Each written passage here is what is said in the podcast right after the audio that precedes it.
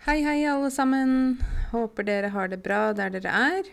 Her i Oslo går livet sin vante gang. Det er et uttrykk.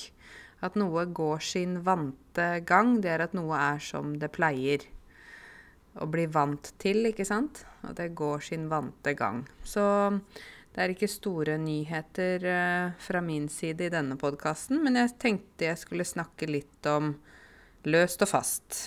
Løst og fast det liksom betyr litt forskjellig. Så um, det jeg tenkte jeg skulle begynne med, var å fortelle dere om at jeg forrige uke hadde et møte med en uh, mann som har skrevet en uh, uh, Ja, hva kan man si? En slags blogg som heter CV-nerden. CV, altså som i curriculum vitae. Dette er som vi leverer når vi søker jobber og sånn. CV-nerden. Og han har hatt den websiden en god stund. Og jeg har brukt den websiden for å tipse både nordmenn og innvandrere i forhold til det å lære å lage en god CV og en god søknad. Og jeg syns at han har mye bra. Og så har jeg tenkt uh, for meg selv på um, dette her med å lage et jobbsøkekurs. Fordi jeg har jo tidligere jobbet på Nav. Det er en del år siden nå, men jeg jobbet på Nav med yrkesrettet norskopplæring. Og da jobbet vi jo med dette her med CV og søknad ganske mye. Jeg har jobba mye med å hjelpe eh, forskjellige folk med å skrive CV-er og skrive søknader. Og en del av lærerne mine har også jobba mye med dette her. Um, selv så er det litt sånn nå at jeg syns det er litt uh, Ja, jeg har gjort det så mange ganger at jeg ikke har så veldig lyst til å drive med det. Men da jeg spurte lærerne mine, vi hadde et sånn virtuelt møte, så spurte jeg om noen hadde erfaring med å jobbe med jobbsøking, altså jobbsøkekurs. Og det var det flere av de som hadde. Som har jobba eh, spesielt med det før, og som har kompetanse når det gjelder dette med å hjelpe folk til å søke jobber. Så det var flere av lærerne mine som gjerne ville være med og lage et sånt kurs. Og da kontaktet jeg han som er eh, eier av cvnerden.no og spurte om han hadde lyst til å ta et møte med meg. Og det ville han. Så vi eh, driver nå og utvikler et eh, jobbsøkekurs. Og det skal bli et jobbsøkekurs på nett. Fordi jeg tror faktisk det er behov for det, ikke bare for innvandrere, men også nordmenn. Det er veldig mange av mine venner og bekjente som jeg har hjulpet med å skrive gode CV-er og gode søknader, fordi de rett og slett ikke vet hvordan de skal skrive, eller ikke, ikke på en måte har helt oppskriften i hodet for hvordan man lager en god CV og hvordan man lager en god søknad. Det er noe som jeg tenker at man alltid bør ha klart. Du vet aldri når noen plutselig spør om de kan få CV-en din. Eh, og da er det veldig viktig å ha en oppdatert CV. Altså selv om du kanskje er i en jobb nå, du har vært der i tre år, du trives der og alt fungerer bra, så er det likevel veldig eh, smart at CV-en din er oppdatert. At CV-en er oppdatert, betyr at all den nyeste informasjonen er inkludert. Alt fra kurs du har gått, utdanninger du er ferdig med, eh, jobberfaring, eh, språk du har lært deg, norskprøver. F.eks. hvis du nylig har bestått en norskprøve, så bør du få inn det på CV-en din. Og annen informasjon. Så det er viktig at den CV-en er up to date. Av og til så bruker vi sånne engelske uttrykk. Up to date er jo Ja. Den er eh, oppdatert til denne dagens dato. Så jeg har, selv om jeg har mitt eget firma og jeg ikke skal søke jobb eller noe sånt, så har jeg alltid en CV som er oppdatert, som ligger klar i tilfelle jeg får noen henvendelser. Det kan jo være at noen ønsker å ha min CV for å samarbeide med meg. Det kan være at vi skal søke på forskjellige anbud, ikke sant. At vi skal sende inn Prøve å vinne et anbud. Anbud er jo sånn når det offentlige skal ha noe. Eller f.eks. la oss si kommunen skal bygge en ny skole, da. Nå tar jeg det bare som eksempel. Så setter de det prosjektet ut på anbud, og så kommer ulike firmaer, entreprenører, med eh, tilbud på det anbudet. Og den som da er best på pris og kvalitet og alt sånn, vinner anbudet. På samme måte så blir av og til offentlige tjenester satt ut på anbud. F.eks. jobbsøkerkurs eller andre ting. Og da er det veldig ofte at de vil ha kompetansen på de som skal jobbe med den, eh, det prosjektet. De som vinner eh, prosjektet. Og det har jeg også opplevd når jeg jobba opp mot Nav og kommuner. Der de f.eks. Vi har fått bestillinger via Nav eh, på norskkurs. Og da har Nav måttet eh, CV og vitnemål på de lærerne som skal jobbe mot de elevene. fordi da skal de se at de har riktig kompetanse. Jeg har jo snakka om det før, men jeg kan si det igjen, og jeg vil si det igjen. Det er jo dette her med papirer når det gjelder jobb. Det er veldig viktig i Norge. Vi er ikke så opptatt av gull og fine biler og dyre vesker og sånne ting. Vi er mer opptatt av hvis, hvis, vi tenker på sånn status, da, så er vi veldig opptatt av papirer og dokumentasjon eh, som viser hvem vi er. Da gjelder det utdanning, altså vitnemål, og det gjelder um, Eh, forskjellige sånne bekreftelser, attester, på steder vi har jobba. Det gjelder bekreftelser på frivillig arbeid vi har foretatt oss, og andre ting. Jeg har jo en sånn CV-mappe som jeg har samla sammen. Der har jeg eh, først Førstesiden er en sånn introduksjon om meg selv, veldig sånn kort. Så har jeg CV-en min Uh, og der står det både utdanning, jobb, uh, kurs, språk og andre ting som jeg har av kompetanse. Og etter det så kommer først mine vitnemål fra universitetet og helt til videregående. Og det er originalpapirer, så den mappa er veldig, veldig viktig for meg. Fordi jeg har jo bare én original, ikke sant.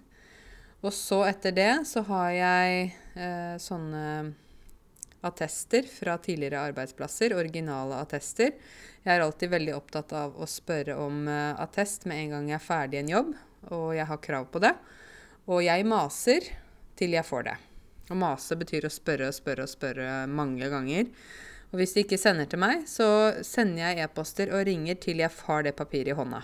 Fordi det er så lett at hvis man ikke husker på å gjøre det, så er det sånn Du er jo ferdig med å jobbe der, ikke sant? Så du er ikke kanskje førsteprioritet til eh, det firmaet eller det stedet der du jobber for å lage attest til deg, men du har faktisk krav på det. Så jeg maser til jeg får attest, og så putter jeg det inn i mappa mi. Og så helt bakerst så har jeg faktisk bilder av meg selv i forskjellige jobbsammenhenger. Altså, eh, da har jeg fått lov av de elevene det gjelder, å ha bildet mitt eh, sammen med dem. Og jeg har sagt at jeg skal bruke det i min CV. Så da har jeg bilder av meg selv med forskjellige barn, forskjellige voksne, forskjellige grupper, der jeg eh, presenterer på en måte, eller viser da mitt arbeid, ikke sant, med bilder. Eh, og det gjør jeg fordi jeg vil gjerne at uh, folk skal vite at jeg har en ganske At jeg har et stort repertoar. De er jo fransk. Repertoar. at jeg kan mye, at jeg har gjort mye forskjellig, at jeg, eh, ja, at jeg har lang erfaring. Så da viser det veldig fint med bilder, da. Og det er noe du kan tenke på også, om du har bilder fra arbeidsplasser eh, du har jobba. Om du kunne brukt de bildene som en del av en sånn mappe, ikke sant. Eh, så jeg syns at det er veldig, en veldig fin måte å presentere seg på, da. Både at jeg har CV, jeg har vitnemål, jeg har attester, og jeg har bilder av meg selv i den mappa. Den er ganske tjukk. Um, og det er uh, liksom noe som jeg uh, har utvikla, da. Det er sånn etter uh, Etter mange år med å ha jobba i forskjellige sektorer, på forskjellige skoler, prosjekter og alt mulig, um, så tenkte jeg at jeg må jo vise hva jeg kan. Jeg må jo vise alt jeg kan, og at jeg har mye kompetanse. Og hvordan kan jeg gjøre det?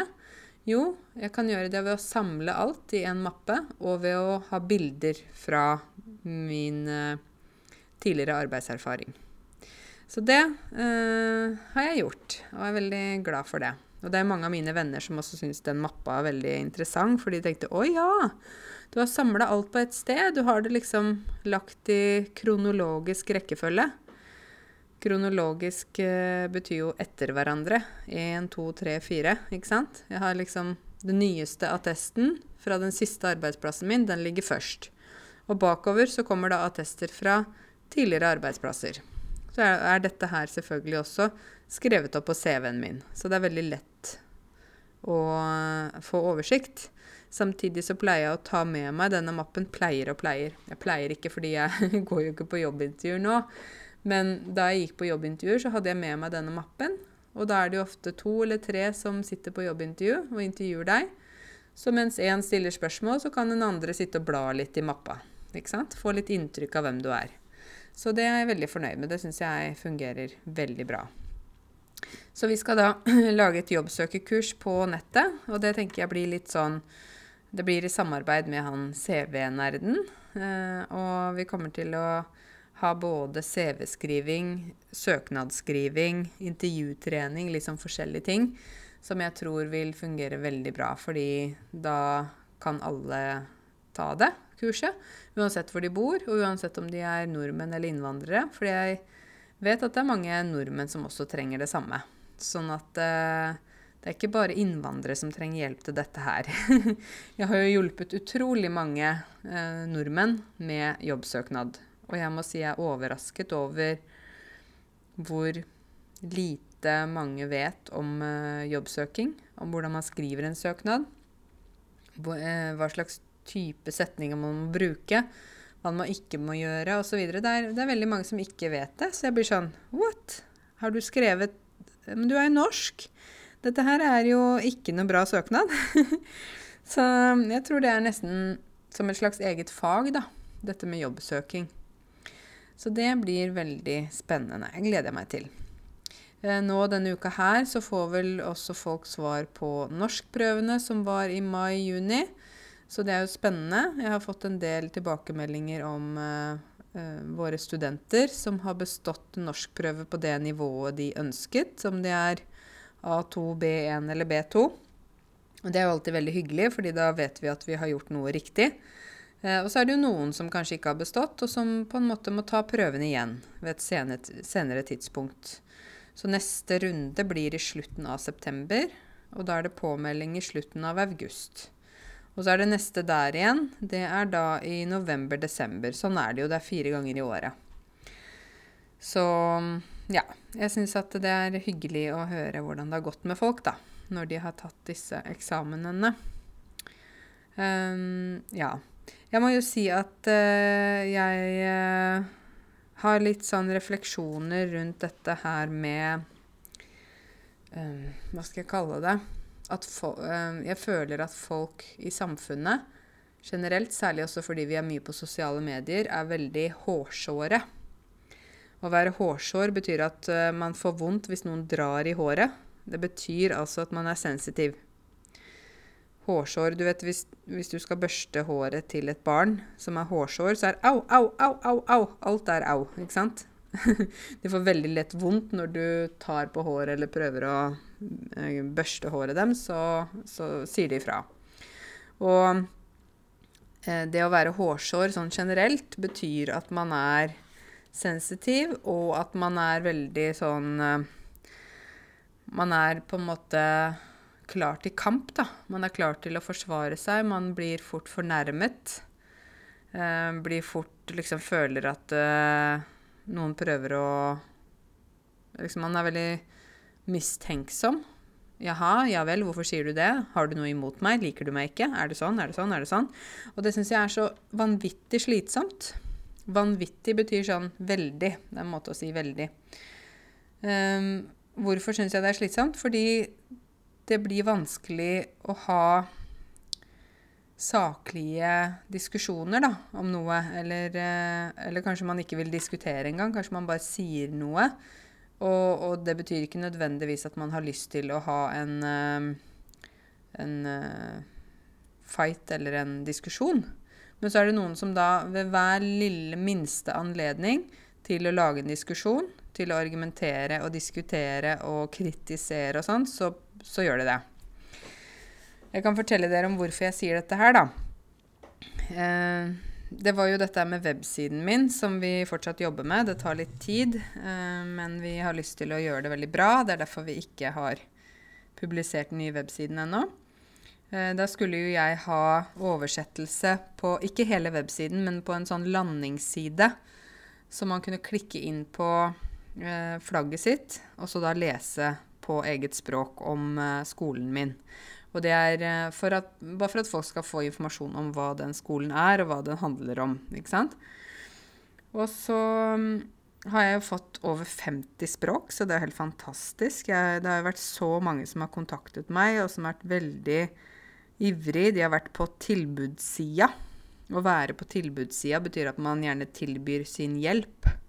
Så de har vært på tilbudssida, og mm, sagt til meg at uh, de kan oversette. Noen vil oversette gratis, men det tillater jeg ikke. uh, men det er noen som jeg rett og slett ikke fikk lov til å betale, for de sa nei, men du har gjort så mye for oss, og dette er det minste jeg kunne gjøre. men uh, jeg hadde det som policy, da, at jeg ville betale folk. Så jeg har i hvert fall fått veldig mange oversettelser. Og så sa jeg da på Facebook-gruppa mi at se på alle språkene jeg har fått oversettelse til. Så hadde jeg skrevet språk og så uh, land ved siden av, fordi det var liksom det flagget jeg hadde tenkt til å ta, da. Ikke sant? Så eksempel hvis jeg har oversettelse på finsk, så er det naturlig at det vil være et flagg, fin, finsk flagg. slik at når man klikker på finsk flagg, så får man tekst på finsk, ikke sant. Men det er jo lett, fordi Finland Det er bare ett sted um, der man snakker finsk, og det er i Finland. Så den er enkel og grei. Og så hadde jeg da der um, Jeg hadde skrevet arabisk, og så har jeg skrevet Syria som land. Og jeg vet jo veldig godt at det er veldig mange land der man snakker arabisk. Det er jo 22 land eller noe sånt. Men jeg kan jo ikke ha 22 flagg. Altså, Poenget her er jo ikke å skape en politisk debatt om hvor man snakker arabisk, og hvem som starta å snakke arabisk, ikke sant? Men så da begynner folk. Det er det jeg mener med hårsår. Hvorfor har du ikke mitt flagg? Hvorfor har du Syria? Skal det være bare syrisk flagg? Hva med Irak? Hva med Egypt? Hva med sånn? Hva med sånn? Og da blir jeg så irritert. Jeg blir skikkelig irritert når folk holder på sånn, fordi de forstår ikke hva jeg egentlig driver med, da. Jeg prøver bare å si hei, alle sammen. Her er antall språk. Og så bare skrev jeg land Syria fordi den personen som hadde oversatt uh, denne siden til arabisk, kom fra Syria. Så da tok jeg bare det. Jeg kan ikke drive og ha 22 flagg. det blir altfor mange flagg, ikke sant? Jeg må ta ett flagg. Og da syns jeg det er så trist at folk blir fornærma og føler seg liksom ikke respektert og sånn fordi deres flagg ikke var der. Det er sånn jeg tenker bare åh, hallo, kan du, kan du slutte? Jeg blir sliten av sånne folk. Det var ikke bare arabisk, det var flere, flere språk som det var, var, var sånn på. Det var, det var, også snakk om makedonsk. Altså, jeg har ikke til enhver tid har ikke jeg oversikt over det politiske situasjonen og inndeling og oppdeling av alle land i hele verden. Ok? Jeg er norsklærer, jeg er ikke geografispesialist. Men så hadde jeg skrevet makedonsk og Makedonia. Og da fikk jeg kommentar på nei, men det er ikke Makedo det er i Makedonia, der snakker de gresk. Så tenkte jeg ja vel, ok, hvordan kan jeg vite det, da? Nei, du må skrive Nord-Makedonia, Karense. Jeg sa hæ? Hvordan skal jeg vite Nord-Makedonia? Beklager, da. Så poenget er jo, er jo, ikke å starte en politisk debatt om land og grenser. Jeg blir, helt, jeg blir så oppgitt. Man blir oppgitt, så blir man sånn Åh, det er ikke det jeg mener. Du skjønner ikke hva jeg mener. Jeg mener jo bare å si Se her, god nyhet. Her har vi en oversettelse til mange språk. Eh, og da skal vi ha flagg, ikke sant? Det er, det er det var hensikten min. Det var egentlig en god nyhet. Men så klarer noen da å være så hårsåre og snu det til at jeg ikke har forstått den politiske situasjonen og den geografiske inndelingen mellom disse landene og det ene med det andre, til at hele mitt innlegg på Facebook fra at jeg hadde skrevet at jeg skal få en side med mange språk, det var liksom det, det var mitt budskap, så begynner det å handle om politiske debatter og land og inndeling og sånne ting. Jeg tenker det orker jeg ikke, altså. Hva er det med folk? Jeg liksom, kan folk slappe av? Hvis de kjenner meg, da Hvis på en måte folk som følger meg, kjenner meg, så bør de vite, bør de skjønne at Jeg vil ikke noen noe vondt. Ikke, min, min, hensikt er ikke å gå rundt og såre noen, fornærme noen, glemme noen, eller Skjønner dere? Jeg ønsker alle dere godt. Og det har jeg sagt tidligere nå i mange podkaster. Uansett hvilken farge dere har, hvilket land dere kommer fra, hvilket språk dere snakker, om dere er mann eller kvinne, eller hvilken seksuell legning dere har. Altså, jeg ønsker bare alle noe godt. Og det ønsker jeg at dere skal huske. Det, jeg pleier aldri å komme ut for å kritisere folk. Det er liksom helt Vi, vi sier at det er bak mål. Du vet i fotball når du skyter ballen, ikke sant, så er jo målet at eh, ballen skal gå inn i mål. Da får du mål. Men hvis ballen går bak mål, da går den langt vekk fra det som var poenget. Ikke sant?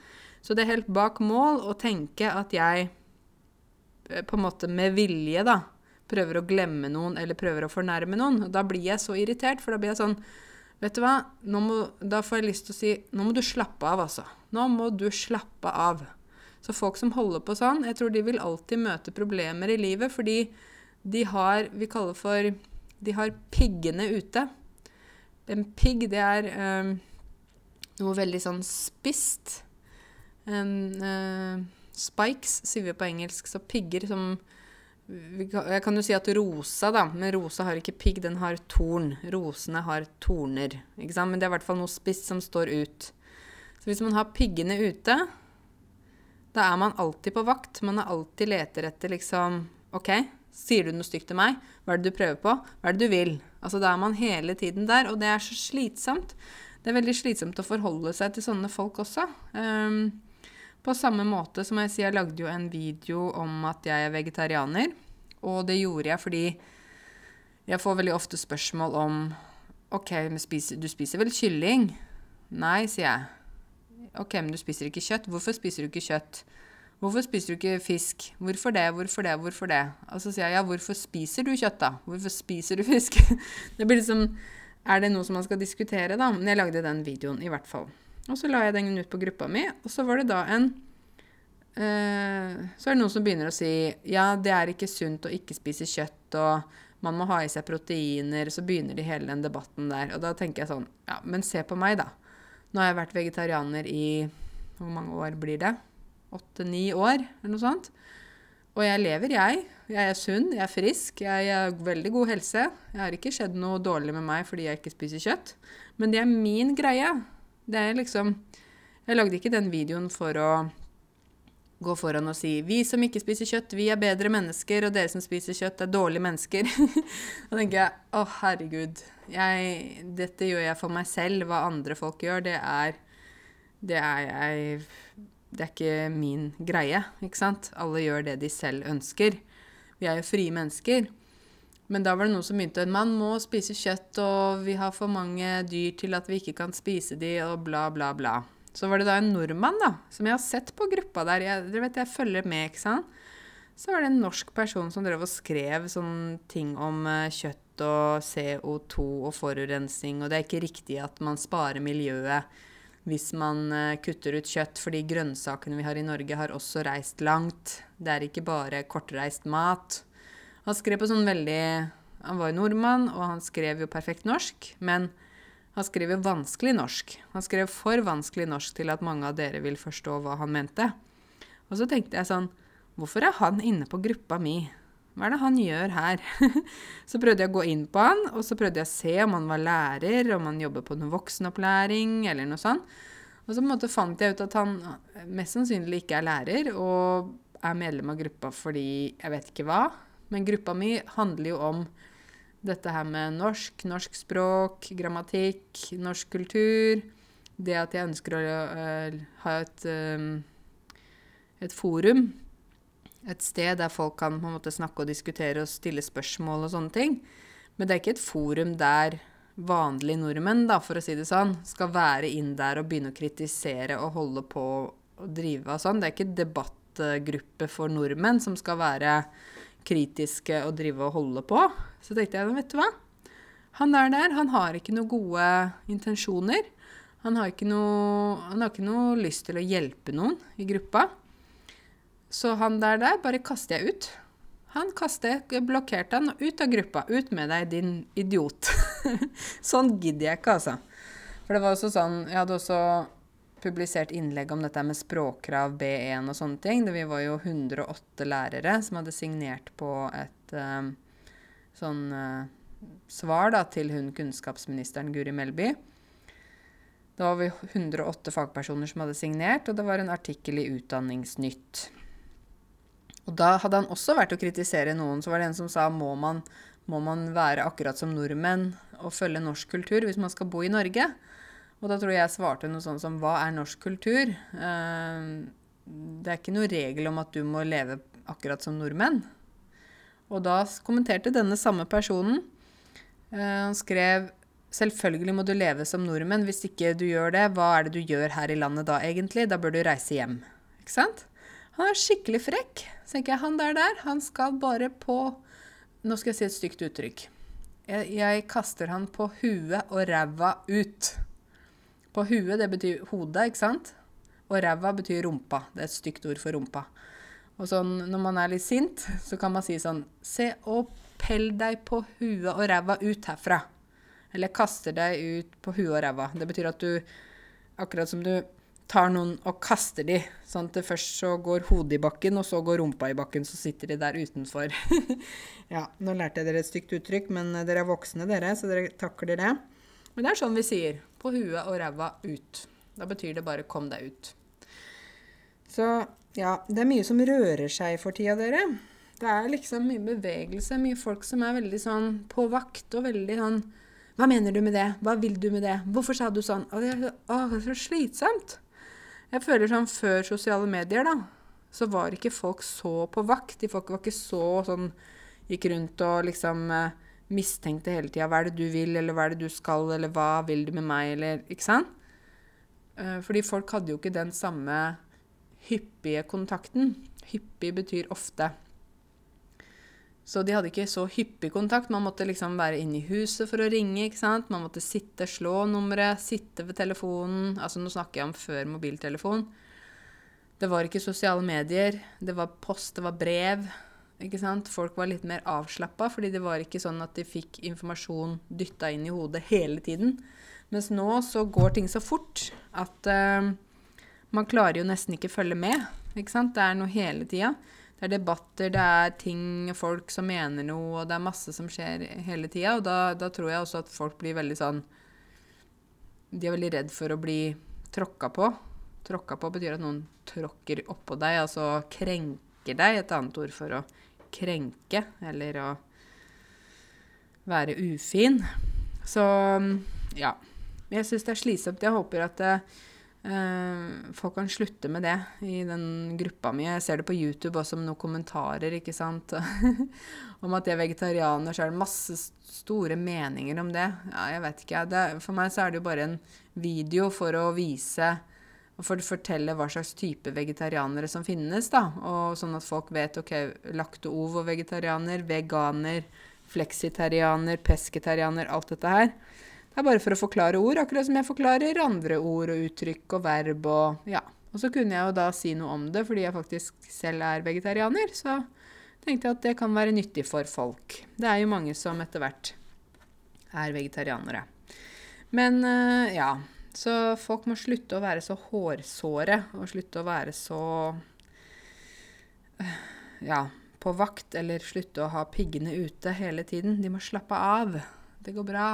Vi, vi, kan leve våre liv, vi kan ha våre meninger, men vi trenger ikke å føle at noen skal, ut, skal ta oss hele tida. Det går greit.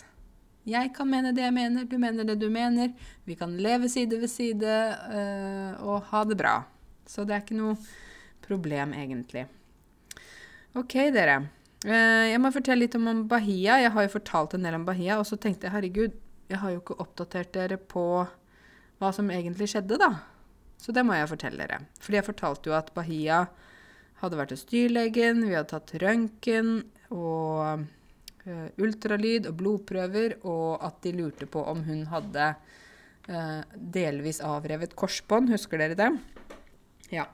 Og så var det sånn at den dyrlegeklinikken jeg hadde gått til først, som hadde tatt alle disse prøvene, eh, de sa at de hadde tatt prøve mot stoffskifte. Og stoffskifte er liksom det som regulerer vår forbrenning, da, metabolisme. Men den blodprøva med stoffskifte hadde ikke kommet frem til laboratoriet, så de ville gjerne gi meg en ny prøve gratis. Så jeg tenkte ja ja, hvorfor ikke. Så gikk jeg dit, og Bahia igjen ble hun barbert litt foran på beinet. Så tok vi de blodprøva.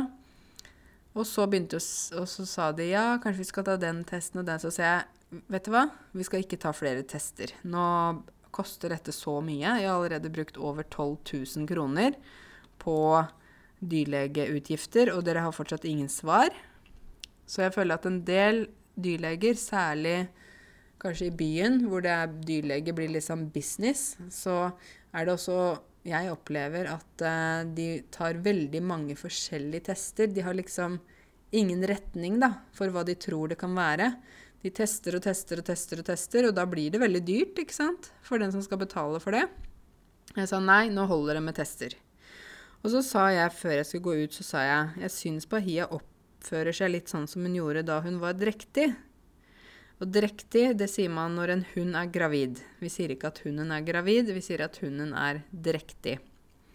Og Bahia fikk jo valper for litt over tre år siden. Hun fikk jo åtte valper sammen med sin kjære Elvis. Det er kjæresten til Bahia.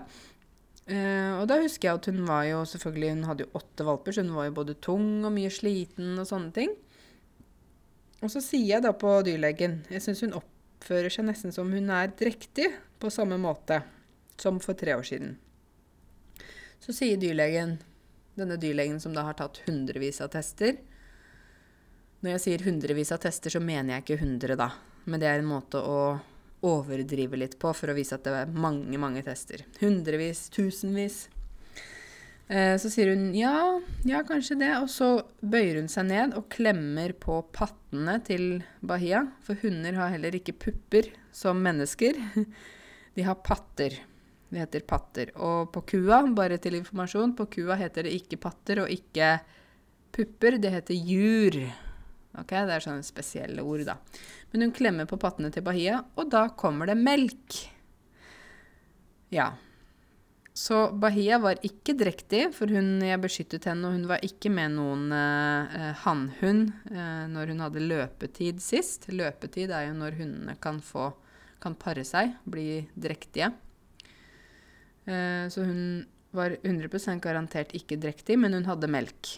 Så det Bahia hadde, det det viste seg, og det var jo faktisk jeg selv som fant svaret på det, fordi jeg foreslo det selv, og det, det er noe som heter innbilt svangerskap. Hunder kan få innbilt svangerskap. Altså de tror at de er drektige, de tror det så mye at de faktisk utvikler melk i pattene. Og nå forstår jeg da hvorfor Bahia har gått så sakte, vært sliten, ikke hatt energi, vært nedfor, ikke hatt matlyst, alle de tingene der. Fordi hun har jo trodd i hodet sitt at hun var drektig. Så det er jo ikke rart at hun har gått sakte, særlig oppoverbakker. Hun har jo trodd at hun hadde åtte valper i magen som sist. Og da var hun jo veldig tung og stor mage. Så da fikk jeg en medisin som heter Galastopp. Og det er bare sånne dråper som man skal putte i munnen, sånn liquids. Eh, jeg gjorde det seks dager. Og allerede etter tre dager så begynte hun å bli bedre. Begynte å bli mer glad, mer energisk, mer aktiv. Og etter seks dager så var hun helt seg selv igjen, og faktisk med enda mer energi enn før. Den medisinen kostet 400 kroner. og det var det jeg som foreslo at det kanskje var innbilt svangerskap. Ja. Men uh, da syns jeg det er kritikkverdig.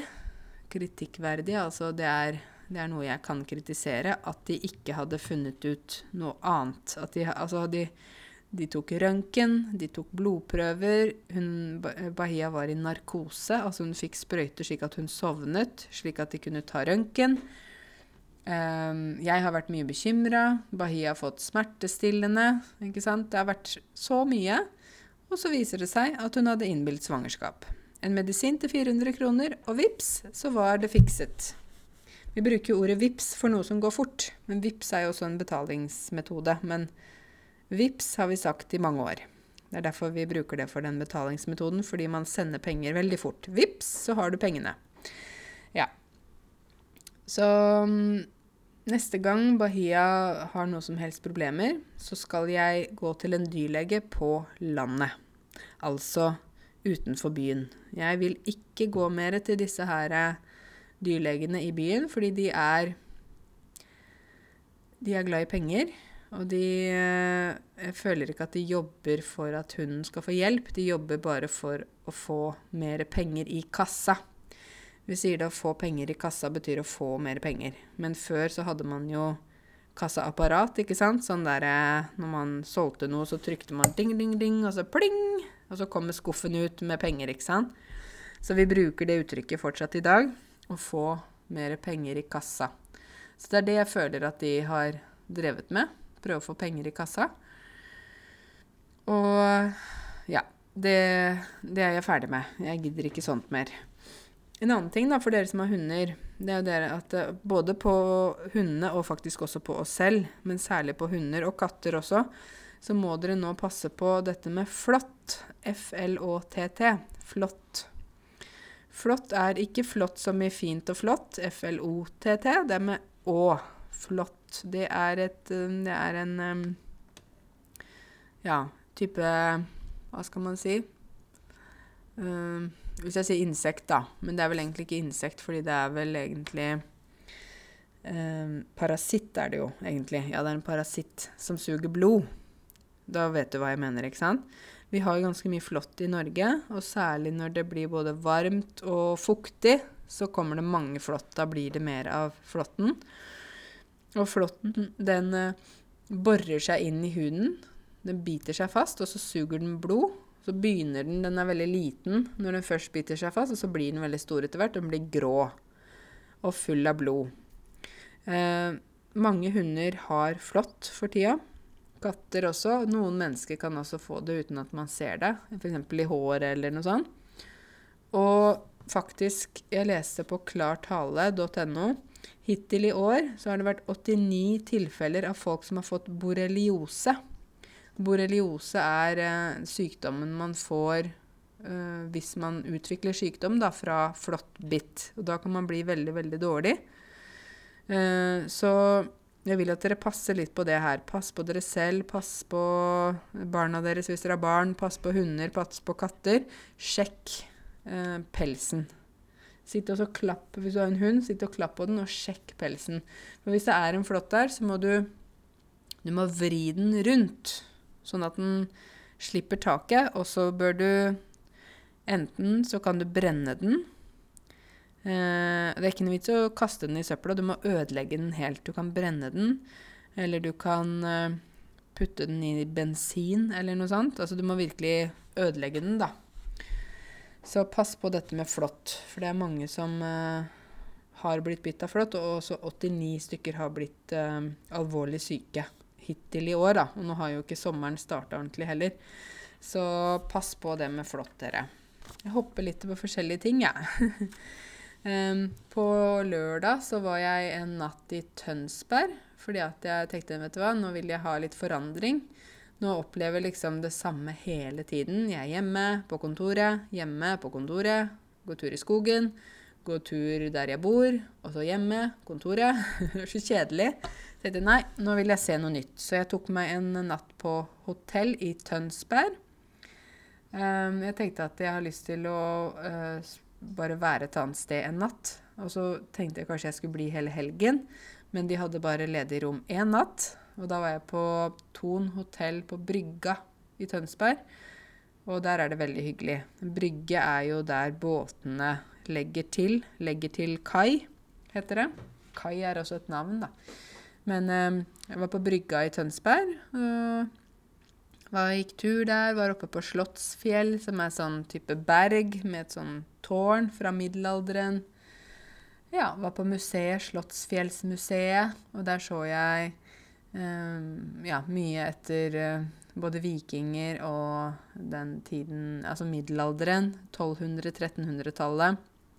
De hadde også en egen hvalhall ikke Valhall som vikingenes uh, paradis, Men hvalhall, altså hval, det store pattedyret, som ikke er en fisk Du vet hva jeg mener da? Whale. Som vi har blåhval, vi har spermhval, vi har spekkhogger, forskjellige typer hval. For før i Norge så har det jo vært stor fangst av hval. Det er dessverre fortsatt hvalfangst som pågår, men det er ikke veldig utbredt.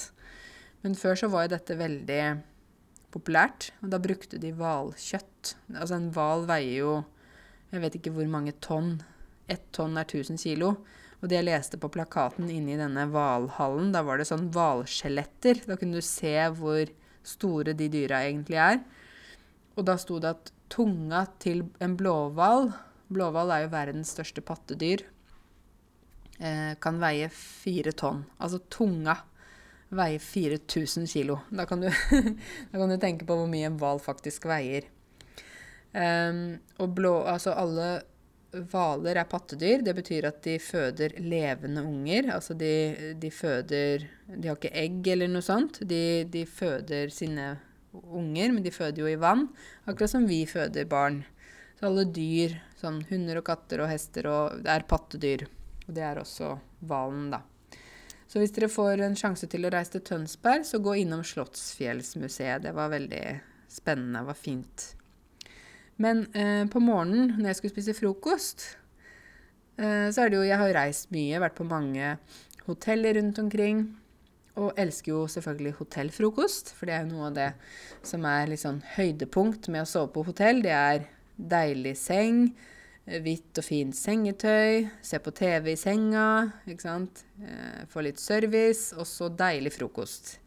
Men nå pga. koronakrisen så var det ikke sånn deilig frokost som jeg gleda meg til. Nei, nå er det jo ikke noe buffé, ikke sant. Vi er ferdig med buffé for en stund, tror jeg. Så nå var det uh, Hva var det het? Velg selv-buffé. Da var det en person fra hotellet som sto ved buffeen.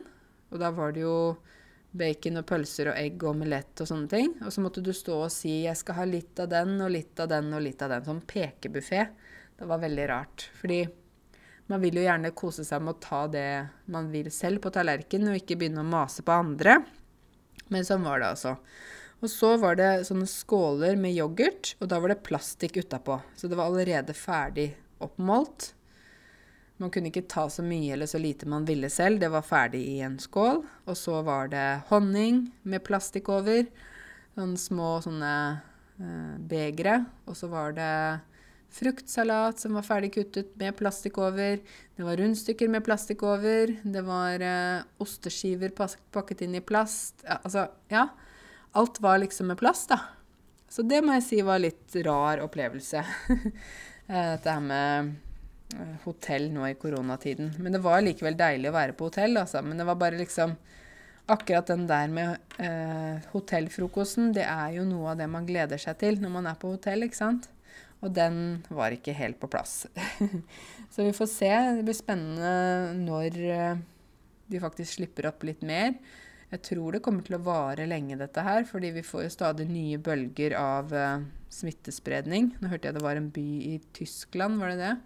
Jeg husker ikke navnet på byen, men der skulle, de, der skulle 350, nei, 350 000 mennesker skulle nå liksom kontrolleres og skulle være inne, og restauranter og kinoer og sånn stengte igjen fordi de hadde hatt stort utbrudd av korona. Så um, jeg tror dette her kommer til å vedvare det betyr at det tar lang tid. Så vi får bare være flinke da, på å holde avstand og vaske hender og alt dette her, som vi har hørt om veldig mye nå. Jeg må fortelle en siste ting før jeg legger på, holdt jeg på å si. Jeg, jeg er jo ikke sånn at jeg ringer til noen, jeg sitter og snakker her for meg selv. Men jo, i dag var jeg på treningsstudio for første gang siden mars. Å, det var jo deilig. Og så er jeg medlem på SATS. Og jeg meldte meg inn der i Var det februar eller mars? Februar, tror jeg. Og da fikk jeg en gratis personlig trenertime, altså en PT-time, som jeg ennå ikke hadde brukt. Og så fordi Sats åpnet igjen nå, så ga de tilbud til medlemmene at de fikk en gratis PT-time. Så jeg hadde faktisk to timer til gode, altså som jeg kunne bruke. Så kontaktet Sats meg sa ja, vil du bruke den PT-timen din? Og så sa jeg ja, men jeg tror faktisk jeg har to timer. En fra jeg meldte meg inn, og en dere gir meg ekstra nå. Så sa de ja, da har du to timer. Så da satte jeg opp en time i dag, og så satte jeg opp en time på fredag. Eh, da var det med, en veldig søt, uh, hyggelig jente. Jeg tror hun var ganske ung. Veldig sånn høflig, snill type. Uh, som er PT. Hun er utdannet fra Australia, men hun er egentlig fra Sverige.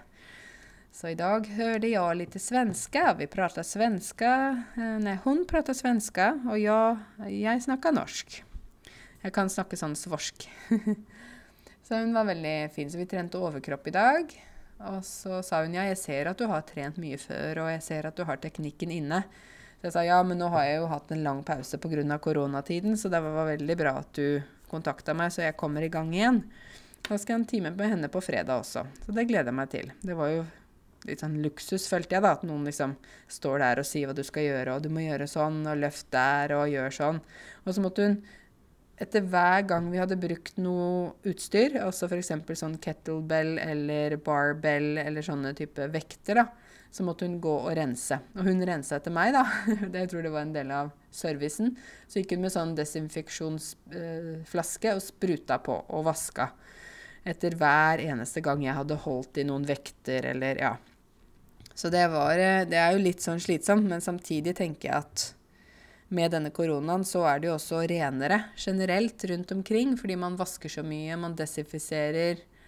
Ikke sant? Det er blitt mer fokus på hygiene, da, og det syns jeg er bra. Eh, det kan vi aldri få for mye av, egentlig. Det er veldig bra at det er rent, og at man vasker mer da, enn før. Men det er selvfølgelig litt slitsomt, for det er litt sånn Man må gjøre det hele tida. Så ja, jeg er tilbake på trening, og tenker at denne sommeren blir litt annerledes. Jeg kommer til å jobbe en del. Jeg kommer, dere vet jeg elsker å reise, så jeg bare venter på at uh, grensene er åpne, og at jeg faktisk kan reise et eller annet sted. Kanskje Sør-Korea.